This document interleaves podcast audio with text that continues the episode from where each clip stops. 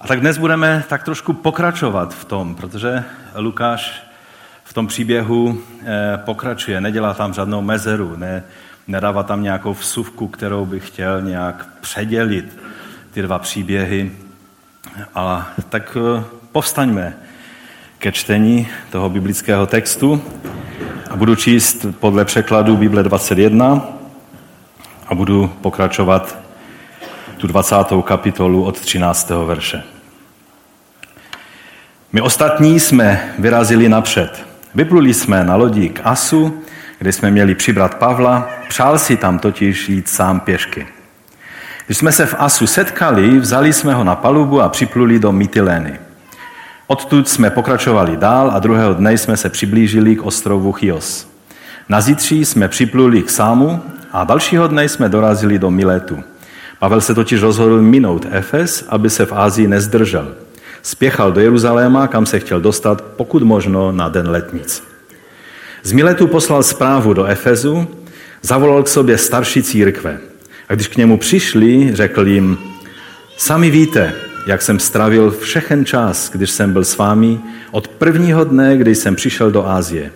Jak jsem sloužil pánu se vší pokorou a v slzách a uprostřed mnoha zkoušek, které mě potkali kvůli židovským úkladům, jak jsem vám nezamlčel nic užitečného, ale kázal vám a učil veřejně i po domech.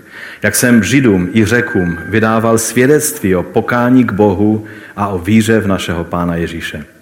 Teď ale jdu puzen duchem do Jeruzaléma. Nevím, co mě tam čeká, ačkoliv mi duch svatý v každém městě potvrzuje, že mě čekají pouta a soužení. Já však na to nedbám. V životě mi nejde o nic víc, než abych dokončil svůj běh a službu, kterou jsem přijal od Pána Ježíše, abych byl svědkem Evangelia o Boží milosti. Teď vím, že nikdo z vás, mezi nimiž jsem chodil a kázal o Božím království, mě už nikdy neuvidí. Proto před vámi dnešní den prohlašuji, že jsem čistý od krve všech. Neboť jsem nic nezamlčel, ale oznámil vám veškerou Boží vůli. Dbejte tedy na sebe i na celé stádo. Jehož správci vás Duch Svatý ustanovil, abyste pásli Boží církev, kterou vykoupil vlastní krvi. Vím, že po mém odchodu mezi vás přijdou draví vlci, kteří nebudou šetřit stádo. I z vás samotných vyvstanou lidé, kteří budou překrucovat pravdu, aby strhli učedníky za sebou. Proto bděte. A pamatujte, že jsem po tři roky dnem i noci bez přestání v slzách napomínal jednoho každého z vás. Teď vás tedy svěřují Bohu a slovu jeho milosti, která má moc vybudovat vás a dát vám dědictví mezi všemi posvěcenými. Od nikoho jsem nechtěl stříbro, zlato ani šaty. Sami víte, že jsem těmato rukama vydělával na potřeby své i svých společníků. Tím vším jsem vám ukázal, že máme poctivě pracovat, pomáhat slabým a pamatovat na slova Pána Ježíše, který řekl, požehnanější je dávat, než dostávat. Po těch slovech s nimi všemi poklekl a modlil se.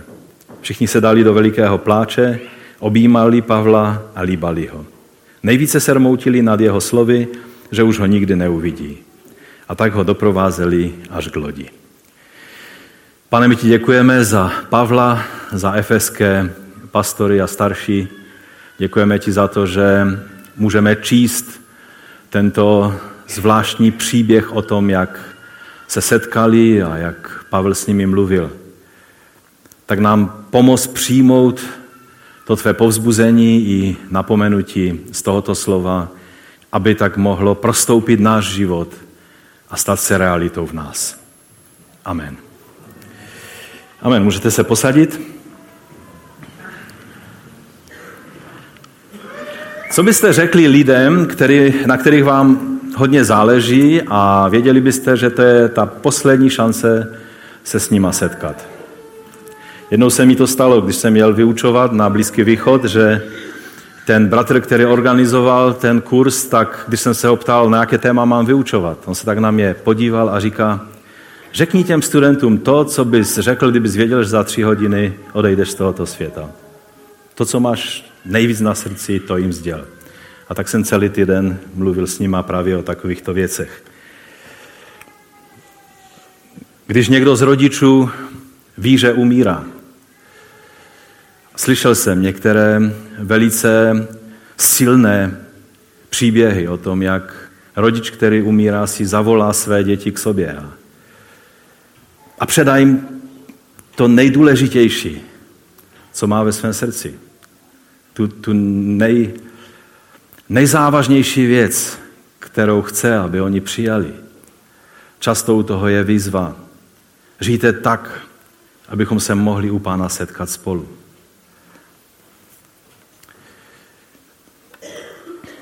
O čem byste mluvili? Ten dnešní příběh je takovýmto právě rozloučením Pavla s Efeskými, o kterých věděl, že už se s nima nikde neuvidí. A proto v tom příběhu jde o hodně. Jde o cenu života. A to je zároveň i téma toho dnešního slova. Co může být důležitějšího než život? Je něco důležitějšího než samotná naše fyzická existence? Náš život? Víte, žijeme v takové době, kdy se stále více vyhrocuje kontrast mezi z jedné strany snahou se vyhnout jakýmkoliv těžkostem a smrti za každou cenu. Díky Bohu za lékaře, za medicínskou vědu, za, za veškerý výzkum, který v té věci pokračuje milovými kroky dopředu a za každou nemoc, která je e, prostě léčitelná. A, a, a vlastně naplňuje tato věc, ale i takovou tu touhu udělejme všechno pro to, abychom se vyhnuli e, smrti, konci e, života. Je to tak hluboko zakořeněné v naší západní civilizaci, že si už to ani neuvědomujeme, že, že vlastně pomyšlení na to, že něco by bylo důležitější než život, tak, tak se spíš u toho zastavíme a nemáme ani odvahu se na to e, pořádně podívat. A pak tady je z druhé strany druhý, druhý extrém a, a to je absolutní pohrdání životem. Třeba ve formě islamského džihadismu, fanatismu který říká pohrdavě o Židech, vy milujete život, ale my milujeme smrt a proto my zvítězíme. Protože oni ví, že Izrael udělá všechno proto, protože je součástí toho myšlenkového prostoru eh, judeo-křesťanského, který je na západě. Že Izrael udělá všechno proto, aby zachoval třeba jednoho vojáka. Byli ochotní vzdát se tisíce džihadistů, které propustili na svobodu jen proto, aby jednoho vojáka osvobodili. A, a oni jsou hrdí na to a, a když se mluví o oběti, o tom, že, že jsou věci, pro které je třeba se obětovat, tak džihadisté vám řeknou, kolik chcete oběti, kolik chcete těch, kteří, kteří obětují svůj život pro důležitost um, svého poslání. A je to karikatura, je to, je to je to hnusný obraz toho, co je drahé a cené, tak jak říká písmo, že je, že je drahá smrt jeho blízkých eh, Bohu. On nebere na lehkou váhu tu věc. On eh, nechce mít tisíce džihadistů, kteří prostě jsou ochotní ukončit svůj život tím, že ukončí život dalším nevinným obětem. A to jsou ty dva extrémy, které ve světě máme. A do toho prostoru přijít s tím, abychom mluvili, jak je to vlastně biblicky, jestli jsou věci, které jsou cenější než samotný náš život, tak se mluví velice těžko, protože máme tendenci sklouznout do jednoho nebo druhého příkopu. Dnešní můj úkol je, abychom mluvili o ceně života v tom Pavlovém biblickém pojetí. Ale Pojďme pěkně po pořádku. Za prvé se pojďme podívat na, na tu cestu Pavlovou. Pavel přizpůsobil svou cestu židovskému kalendáři. A už jsem se toho trošinku dotknul minule, ale je to takové překvapivé, že?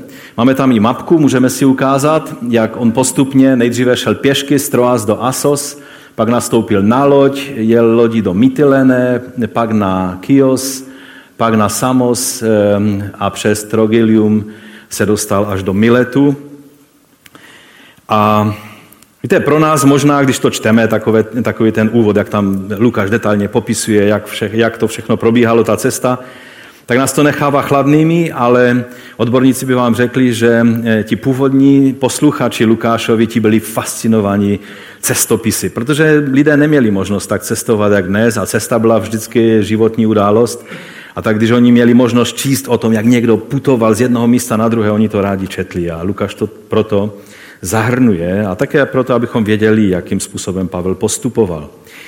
No a, a pak se e, dozvídáme o tom, že, že Pavel natolik pospíchá, to je 16. verš, že se rozhodnul minout Efes, to významné centrum, kde on strávil tři roky, e, kdy sloužil církvi a najednou prostě jede takovou cestou, jestli tam můžeme ještě tu mapku si dát, že vlastně eh, do Efezu eh, by museli jet jinou lodi a ta nejpřímější cesta, kvůli tomu, že on spěchal, tak ho dostala do města Miletu, který byl velice významný. Tam bylo několik přístavů v tom městě a bylo to, bylo to takové významné centrum pro cestování.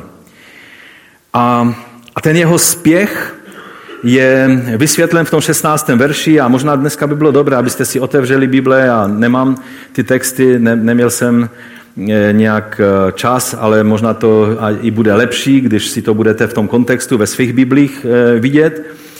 Tak je napsáno v tom 16. verši, že Pavel se rozhodnul minout Efes, aby se nezdržel v Ázii, neboť spěchal, a teď tady je dán ten důvod, aby se dostal na den letnic do Jeruzaléma, bude-li to jen trochu možné. Pavel původně plánoval být v Jeruzalémě na Paschu.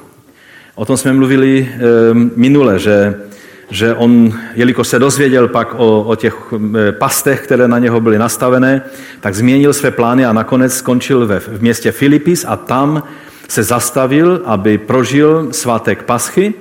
Ovšem teď, když už Paschu nemohl být v Jeruzalémě jako správný pravověrný žid, tak chtěl alespoň na další svátek, ten, ten druhý ze tří svátků, na které Židé jezdili do Jeruzaléma, eh, tak eh, se chtěl dostat a to byly, eh, a to byly letnice.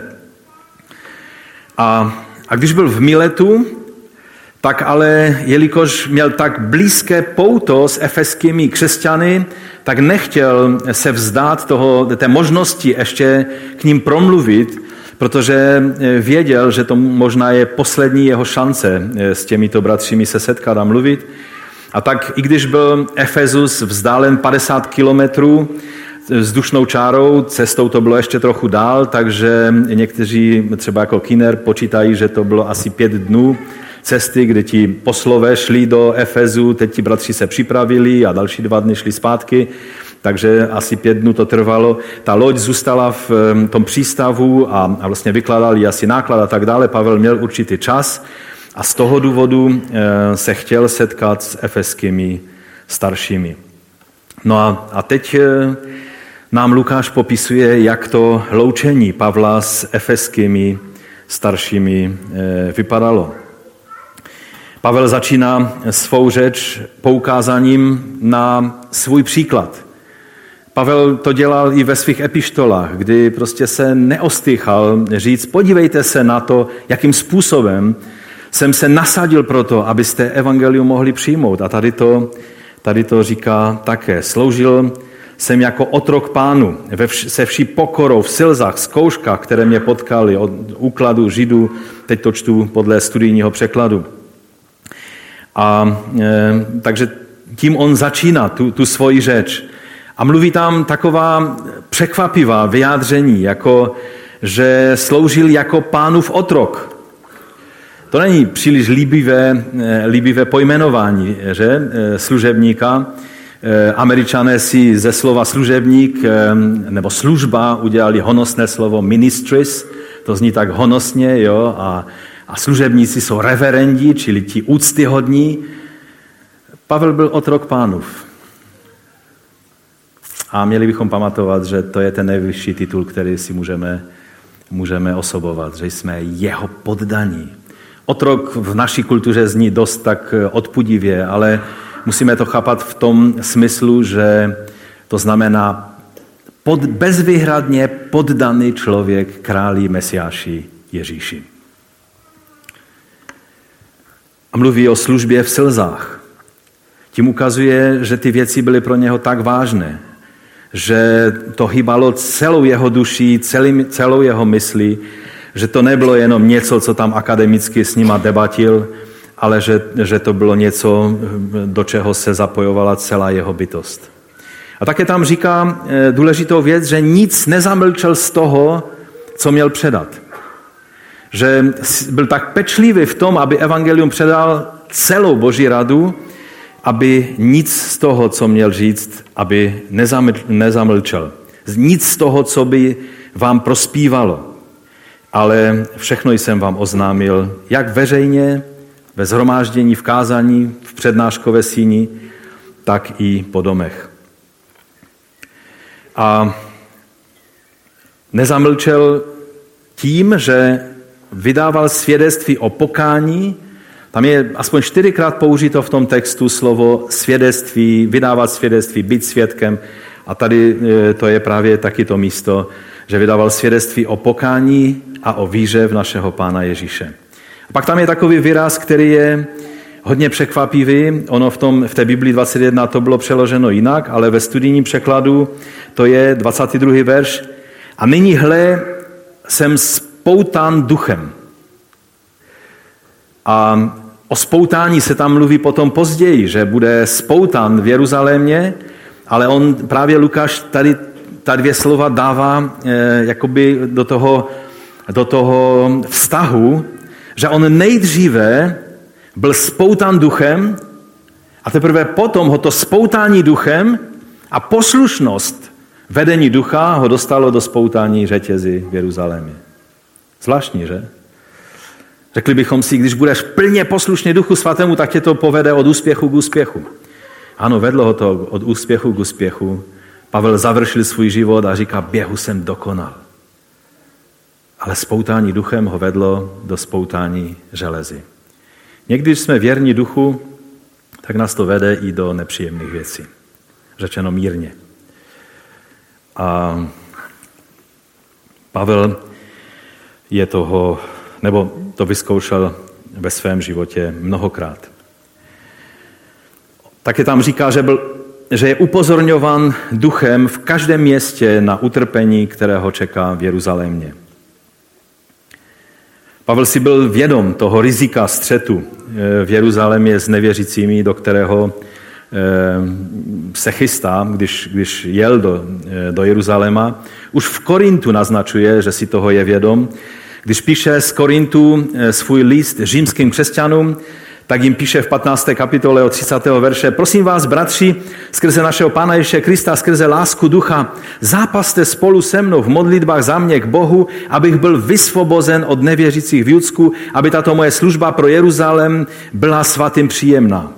Abych pak z boží vůle, z radosti přišel k vám a odpočinul si mezi vámi. Pavel měl takovou představu, že když Bůh vyslyší jejich modlitby a jeho modlitby, že do Říma přijede si odpočinout. Duch svatý, když ho spoutal, tak um, mínil jinak a on přijel do Říma spoutan řetězy. Že? Bůh pokoje buď s vámi všemi. To je v tom římském dopise.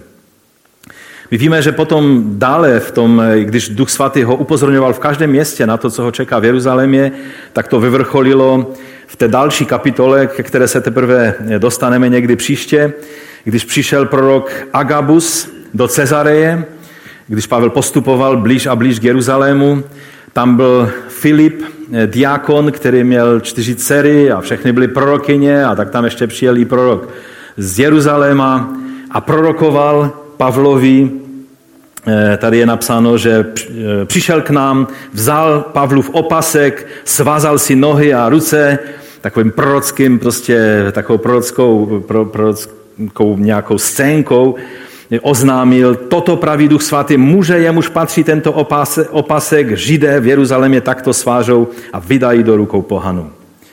No a oni samozřejmě z toho vzali jednoduchý závěr, to je varování, aby Pavel nejel do Jeruzaléma.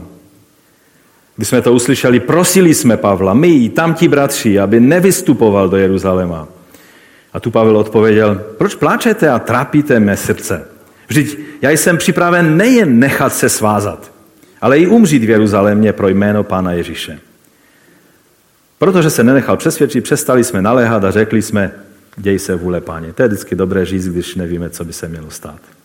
Ať se děje vůle páně. Takže on byl spoutan duchem, veden do Jeruzaléma, tam byl spoutan řetězy a spoutan duchem, eh, teda spoutan řetězy, svobodný v duchu, jede do Říma, sice v řetězech, ale přebírá iniciativu, to už předbíhám teď hodně, to už je závěr, závěr skutku, kdy ten vězeň Pavel v řetězech přebírá iniciativu a velení lodí a toho všeho a jede do Říma jako královský služebník. Ale teď jsme v situaci, kdy spoutání duchem ho přivádí do spoutání řetězí, do problému, do těžkosti. A teď nám Pavel otevírá své srdce to, na čemu nejvíc záleží. A to je můj třetí bod. A to je takový pohled do Pavlova srdce. A to je verš 24. Někteří pastoři si dali jako moto do svého života tento verš, protože on je tak výmluvný. Ale jestli to je správné nebo ne, to mít jako moto, Pavel to určitě jako, jako takové, takovou esenci toho, co pro něho bylo důležité ve svém životě měl. Tam je napsáno, avšak v žádném ohledu si necením své duše víc. Tady to je víc takovým tím hebraismem řečeno v té Bibli 21. Ehm, tam to bylo, jestli si pamatujete, napsáno, že v životě mi nejde o nic víc. Tady v tom doslovnějším překladu je to, že si necením své duše víc, než abych dokončil svůj běh a službu, kterou jsem přijal od Pána Ježíše. To jest dosvědčoval evangelium o Boží milosti. Bible 21, v životě mi nejde o nic víc, než abych dokončil svůj běh a službu. Um, ekumenický překlad, který to má velice takhle hezky přeloženo, tak tam je řečeno, nepřikládám svému životu žádnou jinou cenu, než abych dokončil svůj běh a splnil úkol. Polský varšavský překlad to má, o życiu moim nie warto, e, o życiu moim mówić nie warto, i nie przywiązuję do niego wagi, bylebym tylko dokonał biegu mego i służby. O mém životě nemá cenu mluvit. To není to nejdůležitější. Ale abych dokončil běh a službu, kterou mi uložil pán, jehož jsem poddaným, dokonce otrokem, a pak vysvětluje, co to znamená. anglicky nej, nejpopulárnější překlad NIV. To má I consider my life worth nothing to me. My only aim, můj jediný cíl je dokončit běh. No a pro úplnost ještě starý český dobrý překlad eh, Bible kralické. Však já nic na to nedbám, aniž jest mi tak drahá duše má. Jen abych běh svůj z radosti vykonal a přisluhování kteréž jsem přijal od Pána Ježíše k dosvědčování Evangelium milosti Boží. Co je cena života? Doufám, že vás ten obrázek dostatečně vyprovokoval. Zaplatili jsme za něho dost peněz, abychom ho měli.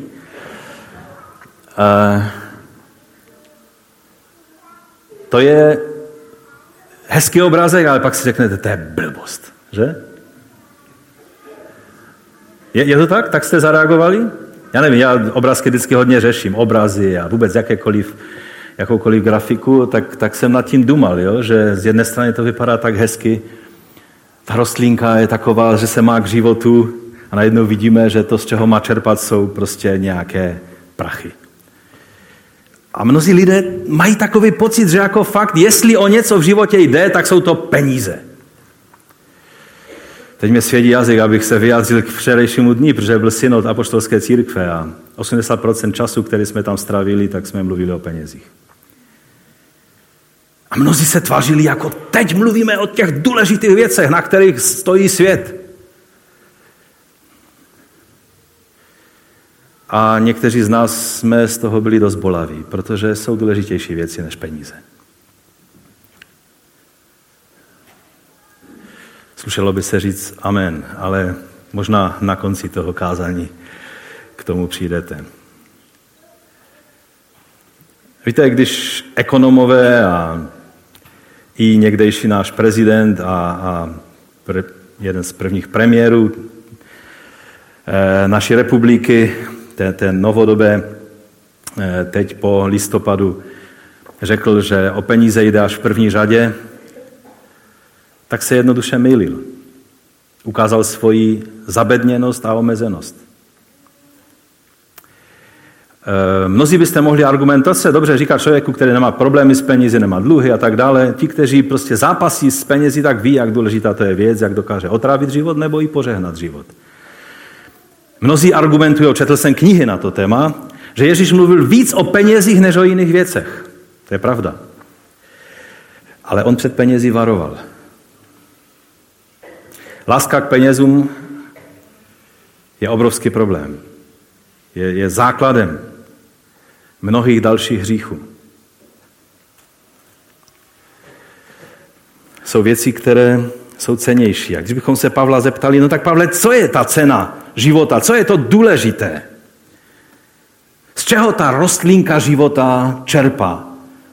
Jsou to ty prachy, které tam jsou, anebo tam musí být něco jiného, co dá živiny té rostlině?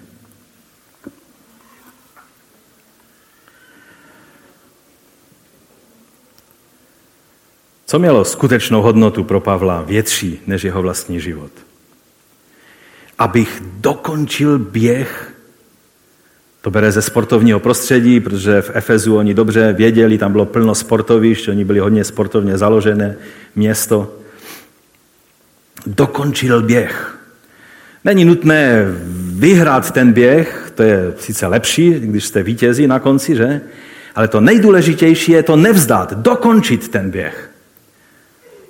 Když jsem běhal na tři kilometry a, a někdy jsem měl špatný den, že jsem to neměl chuť dokončit, nebo sílu dokončit, ale vždycky, vždycky to bylo úžasné, když člověk se aspoň doplazil do konce. A mnozí, kteří, možná někteří z vás zkoušeli maraton ve svém životě, když jsem mluvil s Davidem Pepperem, který běžel maraton jednou, tak tam právě ten zápas s tím to zabalit je, je mnohem silnější, že? To důležité je dokončit běh a službu. A tam, tam je nejenom dokončit běh a službu, ale dokončit svůj běh, nebo Pavel říká můj běh. V řečtině tam to přivlastňovací zájmeno je. Každý totiž máme daný ten svůj běh. Není můj běh tvým během.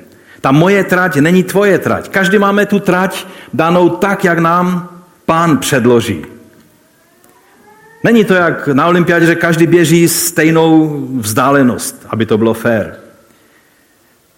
Ale Bůh ví, jakou trať ti má nastavit. Jakou délku, jakou obtížnost té tratě. Každému z nás je ta trať dána pouze pánem.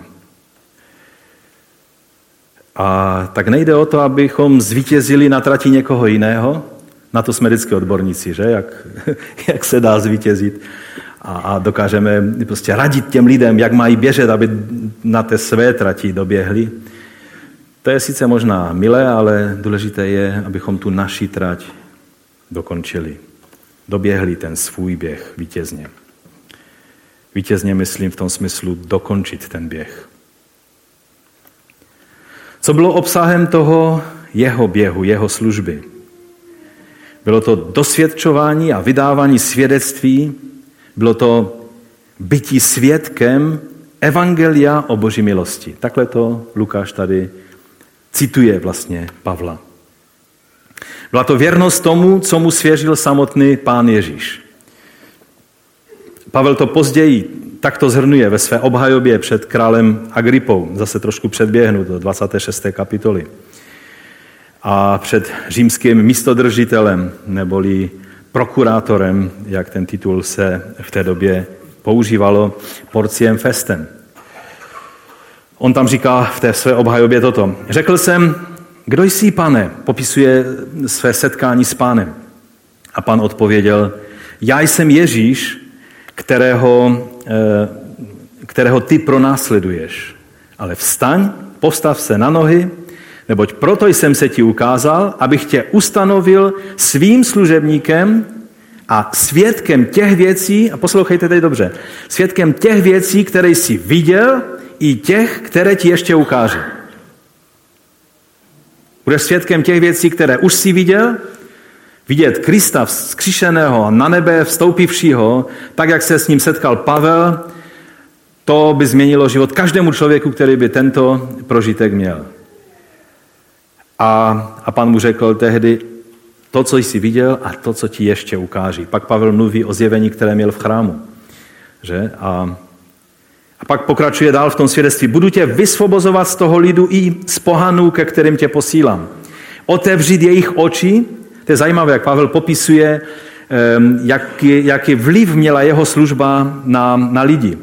E, otevřít jejich oči, aby se odvrátili od tmy do světla, od mocí satanovi k Bohu, čili od tmy, to znamená od moci satanovi, ke světlu, to znamená k Bohu, aby vírou, to je zase vysvětlení, co to znamená, aby vírou ve mně obdrželi odpuštění hříchu a podíl mezi posvěcenými. Odpuštění hříchu, každý jeden v našem životě, a podíl mezi posvěcenými. Nejsme spaseni jen proto, abych byl já a můj Bůh, ale jsme spaseni proto, abychom byli součástí společenství Božího lidu. To je to, co, co Pavel vysvětloval. To je to, co bylo obsahem jeho běhu, jeho služby, jeho života. To, co bylo důležitější a cenější než cena jeho vlastního života. Proto králi Agripo, eh, tu obhajobu Pavel eh, zhrnuje, nestal jsem se neposlušným tohoto nebeského vidění. A otázka je, jestli my jsme poslušní toho, k čemu nás pán povolal. Řekneš si, já nejsem povolán, já jsem takový jenom obyčejný křesťan, já nejsem povolán k žádné službě. To není pravda. Každý učedník má svůj úkol. Jsme učedníci mistra, našeho pána Ježíše Krista. To bylo to, co mělo větší cenu pro Pavla než jeho vlastní život.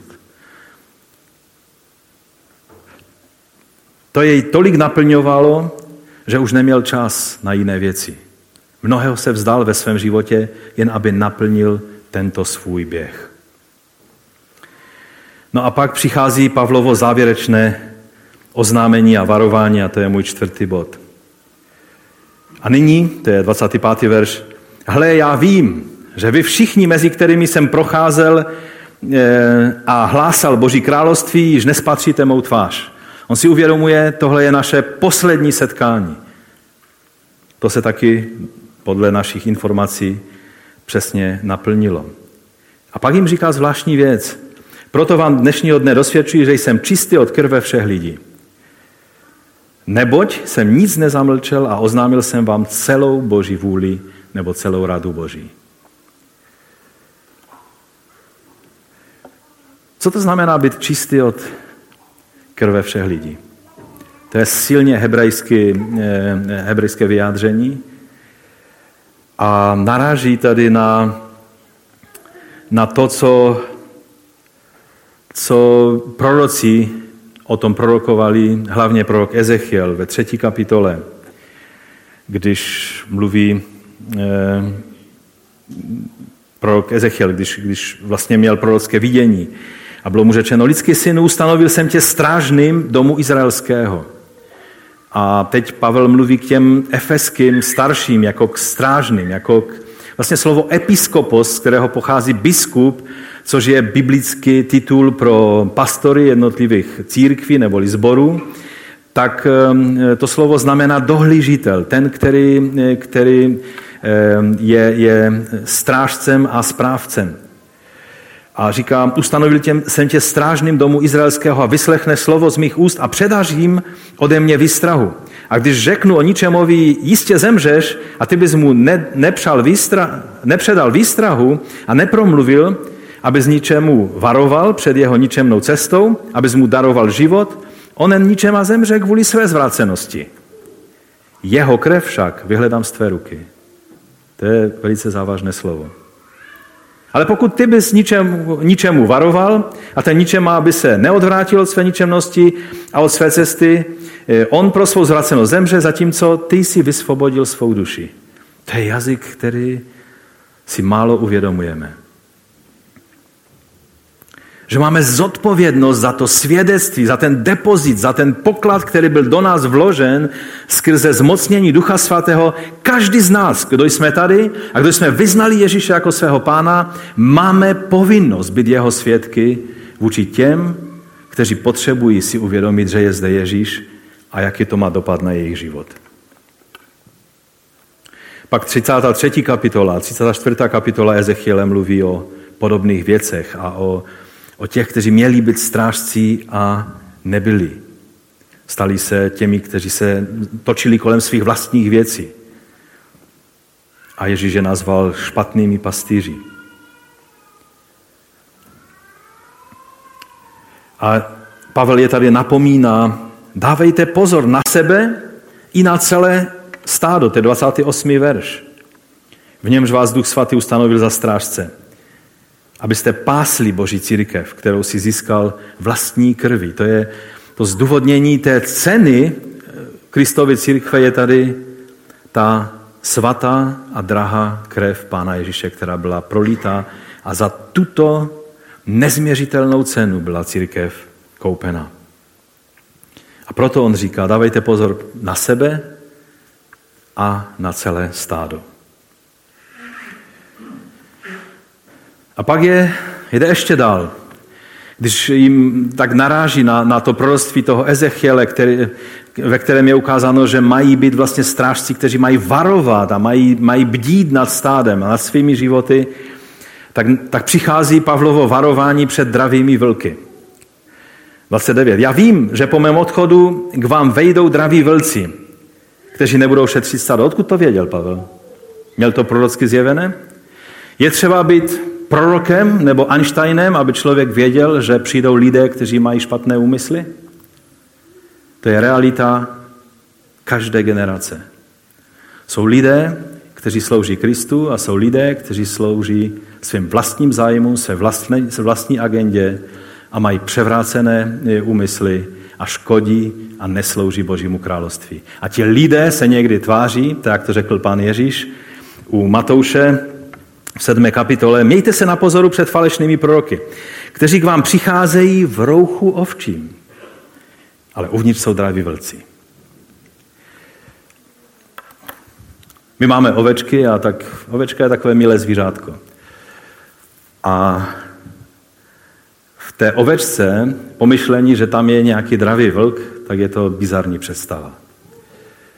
A pan Ježíš říká, že takhle to vypadá, že některá Někteří lidé vypadají tak zbožně a uhlazeně, že jsou jak milá ovečka, jak beránek, ten, ten bez chyby. Ale to, co je uvnitř, je povaha dravého vlka, který se stará jenom o naplnění svého vlastního žaludku. Jeho zájmy, jeho cíle a ne Boží království. Není to otrok Ježíše Krista, ale je to otrok lásky k penězům, otrok lásky k vlastnímu břichu, k vlastním zájmům, k vlastním plánům, k vlastním ambicím, k vlastní píše. A Pavel říká, takoví lidé mezi vás přijdou. Ať už to bylo prorocké zjevení, nebo jednoduše řekl, takhle ty věci chodí. Když nebudu tady já, budou se tady snažit vloudit jiní lidé, kteří nebudou mít tyto upřímné úmysly, které jsem měl já s vámi. Jejich cílem není evangelium, které má větší cenu než život. No a pak to už dorazil úplně tím, když řekl, i z vás samotných, to je muselo zamrazit. On se nezdráhal říct, i z vás samotných vzejdou muži, povstanou muži, kteří budou mluvit převrácené věci, aby strhli učedníky za sebou. To je jako pan Ježíš řekl, jeden z vás mě zradí. A oni, kdo, pane, kdo? Já, snad, snad ne já, že? Je to prostě realita. Existence na tomto světě. Každé společenství je poddajné a potenciálně schopno být e, obtěžováno nebo, nebo strženo lidmi, kteří nemají dobré úmysly. Já vím, že to není příjemné slyšet a teď já nechci tady nějakým způsobem říct, abychom na každého e, si dávali pozor a, tak dále. Jsem daleký e, této věci ale prostě uvědomovat si tu realitu, že žijeme ve světě, kde ne všechno, co přečtete na internetu, je pravda. Ne všechno, co vám někdo se snaží prostě ladovat, tak je v dobrých úmyslech. Ne každé učení je biblické. Prostě žijeme v realitě tohoto světa. A je třeba, abychom, abychom si toho byli vědomi. Ta hrozba je jak zevnitř, teda jak zvnějšku, tak i zevnitř. Každý zbor má potenciál. Jestli těch 12 učedníků Ježíše mělo potenciál vyprodukovat jídáše, každé společenství má schopnost, že v něm můžou povstat lidé, kteří budou mít jídášovské a ne Ježíšové e, smyšlení. No, v tom nečekám amen, to je v pořádku.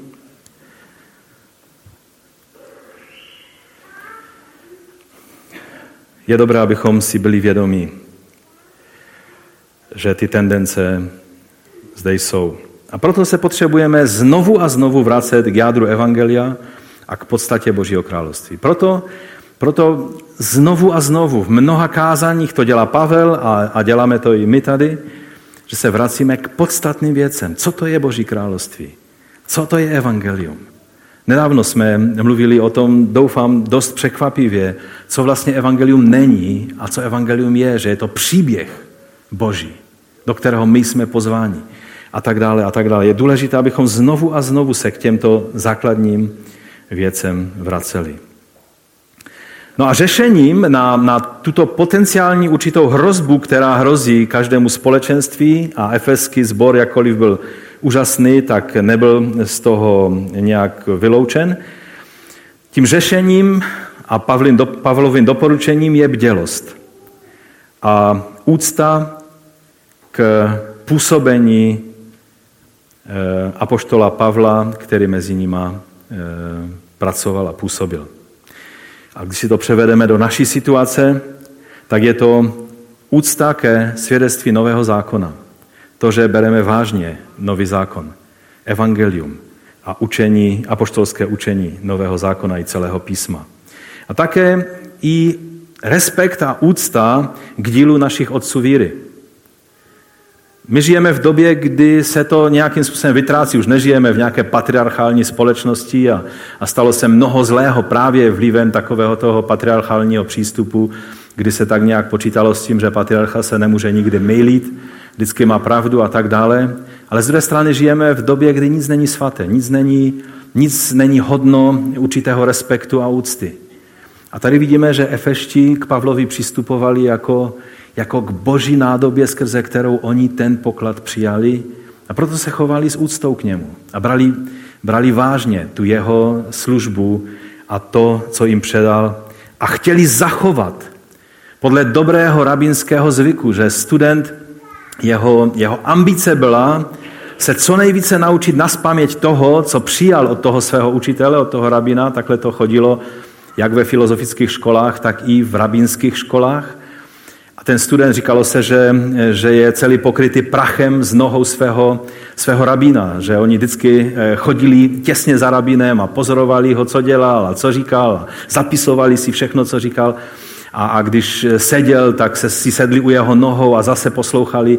A ty, ty obrazy máme v Novém zákoně.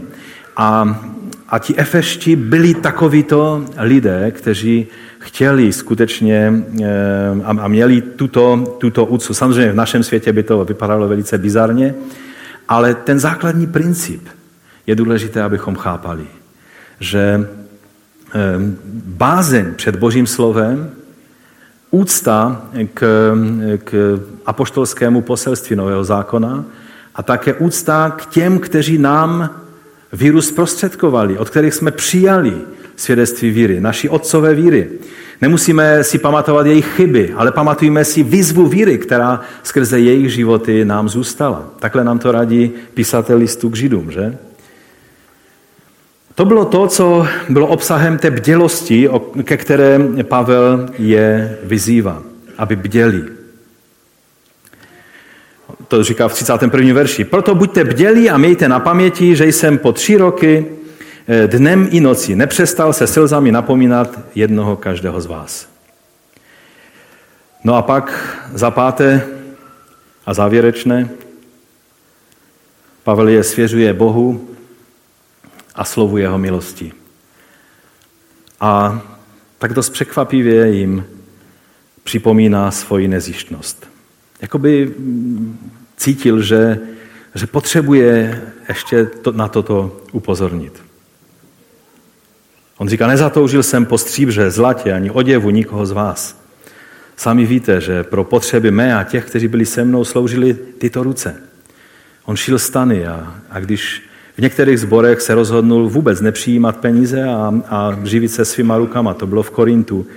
A v Efezu taky, když přišel, tak začal s tím, teprve potom se začal věnovat, věnovat eh, eh, vyučování naplno. Tady nám dost hodně, ti, kteří znáte starý zákon, tak zní eh, obhajoba Samuele, že? Jestli si vzpomenete na Samuelova závěrečná slova k Izraeli, tak to jsou přesně ta slova, která tady mluví Pavel. A, a tak jako by nám Lukáš dává tu paralelu mezi Samuelem a, a mezi Pavlem. A také e, nám to ukazuje na jednu věc, která tehdy byla velice, si na ní zakládali hlavně rabíni farizejského směru, e, kdy oni každý chtěli mít svoji profesi, kterou byli vyučeni a, a velice se e, byli hrdí na to, když mohli poskytovat duchovní služby a vyučování bez přijímání platu. A toto, e, toto se v Pavlovi tady jednoznačně ozývá jako farizej z farizeů, tak on e, toto dává velice jasně najevo. A tak je vlastně v tom závěru vyzývá ke štědrosti, k péči o potřebné. A u toho se odvolává na slova pana Ježíše, to je 35. verš, když to máte ve svých biblích. Ve všem jsem vám ukázal, že takto máme pracovat a ujímat se slabých a pamatovat na slova pána Ježíše, neboť on řekl, blaženější je dávat, než brát. Amen. Kde to říká pan Ježíš? V kterém evangeliu? Máte tam ve svých biblích odkaz na evangelium, kde to je napsáno? Vzpomínáte si někde, kde to pan Ježíš říká? Máte tam odkaz někde na evangelium, kde to pan Ježíš říká? No nemůžete mít, protože to nikde není napsáno. To je zajímavé, že? Pavel věděl něco, co řekl pan Ježíš a nikdo z evangelistů si to nezapsal, nezapamatoval. Často to citujeme, jako že to řekl pan Ježíš a neuvědomujeme si, že v evangelích to není a že že vlastně to máme zprostředkované apoštolem Pavlem. A taky Lukáš to věděl, protože si zapamatoval nebo zapsal to, co říkal Pavel. Jsou to snad jediná slova Pána Ježíše, která, která máme v písmu a která nejsou zaznamenána v Evangeliu. Kromě samozřejmě prorockých zjevení, jako je zjevení a tak dále. Že? Ale samozřejmě to nic neubírá na jejich aktuálnosti a pravdě, že je víc požehnané dávat, než brát. Každý, kdo víte, jak, jak můžete být účastí něčeho, kdy pomáháte někomu v potřebě a pak vidíte, jakým požehnáním je to pro vás. Když jsme seděli e, na obědě s těmi kluky tady z Teen Challenge, kteří tady byli, tak dva z nich mají židovský původ a tak jsme mluvili o, o judaismu, protože jsme se vrátili z Izraele, tak jsme mluvili o, o těch věcech a, a ten, jeden, ten jeden říká, že, Nebo si chtěl ověřit, že to přece není špatné, když má z toho dobrý pocit, když ho napadlo, že, že může udělat dobrý skutek tím, že pomohl nějakému svému kamarádovi, který měl potřebu a tak šel a teď mu tam něco, něco doma pomáhá a říká, já jsem měl z toho takový dobrý pocit, že to můžu pro něho udělat a že to dělám pro pána. A on si chtěl ověřit, jestli tím neskutkaří a nedělá něco nekalého a špatného. A já jsem si říkal, jak daleko jsme se dostali v takovém tom nějakém zvláštním učení, že jsme spasení jenom z víry a, a na skutky nesmíme sáhnout, protože tím bychom e, nějakým způsobem si zkomplikovali život. Požehnaný je ten, kdo dělá dobré skutky a dělá je pro pána. Nejsme spasení skutky, ale jsme fascinovaní tím, že můžeme dělat dobré dílo pro pána. Je to tak? On sám narafičí na naší cestu ty dobré skutky, do kterých my můžeme vstoupit. Řekneme si, a pan nám nachystal tuto situaci. A je to úžasné. A takhle je to s těmi, e, s jistou výzvou Pavlovou. A, a s tím principem Ježíšovým, že je požehnanější dávat, než brát. No a pak se už s nimi opravdu loučí a při těch slovech poklekl. A něco z té pokory, z té bázně Boží, z té, z té vroucnosti, která s celým tím příběhem je prostoupená, bychom měli něco z toho přijmout do našich životů. Někdy máme pocit, že moderní křesťan se nemůže chovat tak, tak staromodně, padat na kolena. Dokonce, dokonce um, máme příběhy, kdy padli před Ježíšem na tvář. To je obrovské ponížení, to bylo v římské kultuře. Oni se posmívali lidem, kteří padali na tvář. A a někdy máme takový pocit, že to se už přece nehodí. Já vám chci říct, že bychom se měli vrátit k některým věcem a projevům vroucnosti a zbožnosti a pokory a bázně Boží. A bylo by, bylo by to správným vyjádřením toho pochopení, kým Pán pro nás je. Po těch slovech poklekl a s nimi všemi se pomodlil. A všichni se dali do velikého pláče. No to už je úplně hruza, že? Jak chlapi začnou plakat, tak to je pořádná ostuda. Objímali Pavla, líbali ho. To samozřejmě je orientální kultura, to neskoušejme v naší sleské kultuře, protože se do nás dostanete do velkých problémů. Nejvíce se rmoutili nad tím slovem, které řekl, že již více nespatří jeho tvář. A doprovázeli ho až k lodi. Já přímo vidím tu scénu, jak oni jak najednou si uvědomují ten Pavel, který nám přinesl evangelium. Možná už budeme jenom číst jeho listy, ale už ho neuvidíme, už mu nebudeme moci položit otázky. Byla to pro ně obrovská, svatá, silná chvíle, kterou, kterou prožívali. A tak co na závěr je pro nás důležité přijmout z tohoto příběhu? Ta jedna věc je ta vážnost, s jakou Pavel přistupoval ke svému poslání vůči efeským věřícím. V době, kdy v dnešním světě nic není svaté, patos, který z toho přímo čiší, z toho příběhu. Vnímáte to tam? Lukáš se pustil do takového patosu, jak popisuje prostě ty věci a pro každého českého člověka, když vidí nějaký patos, tak hned má husí kůří a, a otřepuje se. A do tohoto světa, kde nic není svaté, tak nás vyzývá tento příběh, abychom, abychom si uvědomili vážnost toho, že jsme svědky a učedníky Ježíše Krista. Je potřeba si uvědomit cenu života. Je potřeba si uvědomit ty důležité věci, ze kterých schází život, že to nejsou jenom peníze, o které jde v životě. Jsou věci, pro které se vyplatí žít. Jsou věci, pro které se vyplatí umírat. Jsou to věci, které ti svěřil král a mesiáš, pán Ježíš Kristus. Jehož si svědkem a učedníkem. Povstaňme k modlitbě.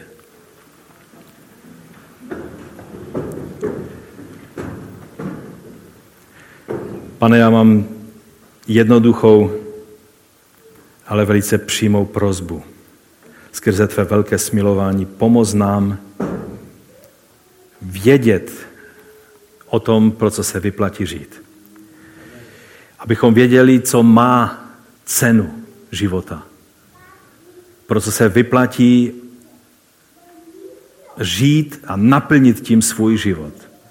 Že je to ten běh a ta služba, že jsi to ty sám svou přítomností skrze Ducha Svatého a to, co ty, k čemu si nás povolal.